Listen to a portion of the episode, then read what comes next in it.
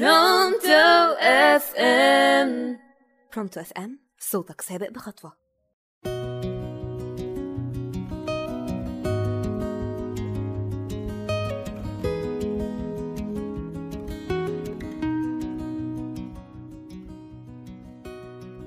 مساء الفل عليكم أنا دينا كمال معاكم في برنامج الشحن فصل على راديو برونتو اف ام قعدت كتير قوي أحاول أختار موضوع للحلقة دي.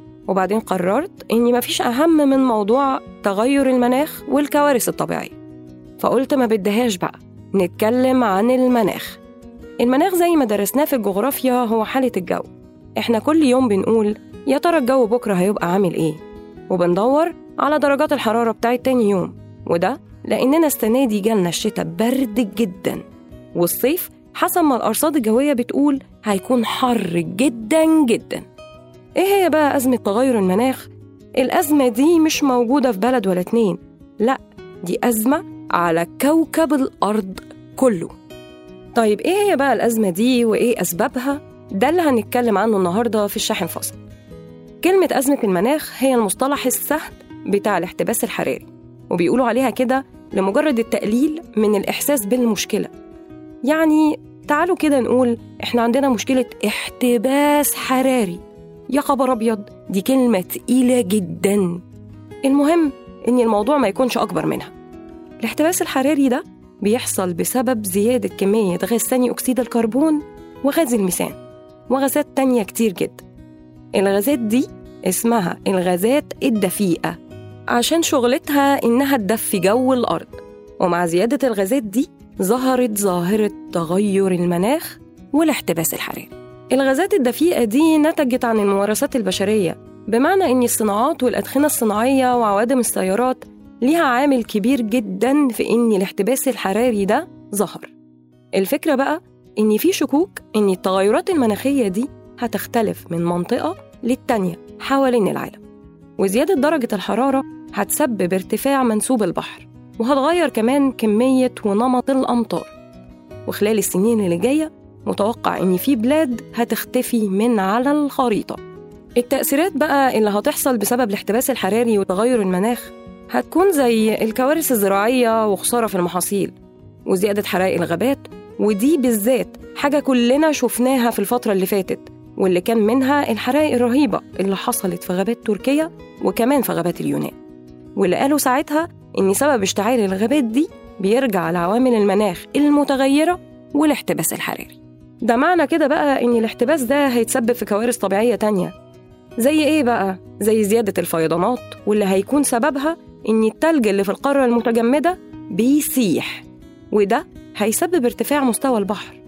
ولما مستوى البحر يعلى هتحصل الفيضانات. بالظبط زي الفيضانات اللي حصلت من فترة في كندا في مدينة بريتش كولومبيا.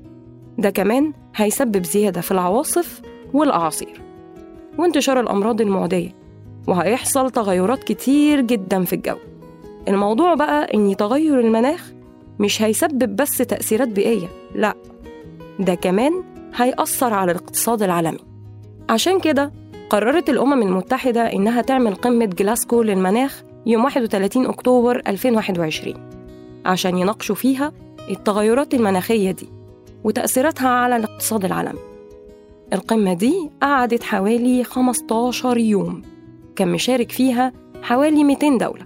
والمواضيع الأساسية للمؤتمر ركزت على كيفية إنقاذ البشرية من تأثيرات التغيرات المناخية. وأهم نتيجة كانت إنهم قرروا وقف استعمال الفحم.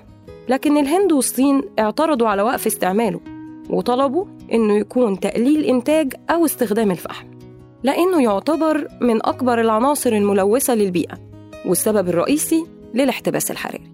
وده بالنسبة للقمة دي كان إنجاز كبير جدا. كمان لأن المرة دي كان في إدراك كبير جدا بين المشاركين في القمة دي لخطورة الاحتباس الحراري على سكان الأرض. الهدف الأهم اللي حدده مؤتمر جلاسكو كان إنه يضمن إن نسبة الاحتباس الحراري ما تزيدش عن واحد ونص درجة مئوية في نهاية القرن ده. يعني بزيادة 3 من عشرة درجة عن المستوى اللي موجود دلوقتي اللي هو واحد واتنين من عشرة درجة مئوية. طبعا الرقم ده مش هيحل المشكلة لكن هيقلل من تأثيراتها. وعلى حسب الدراسات اللي عملوها علماء الأرصاد فالاحتباس الحراري ده هيزيد بنسبة 2.4 درجة مئوية في نهاية القرن الحالي لو فضلت النشاطات الاقتصادية العالمية زي ما هي.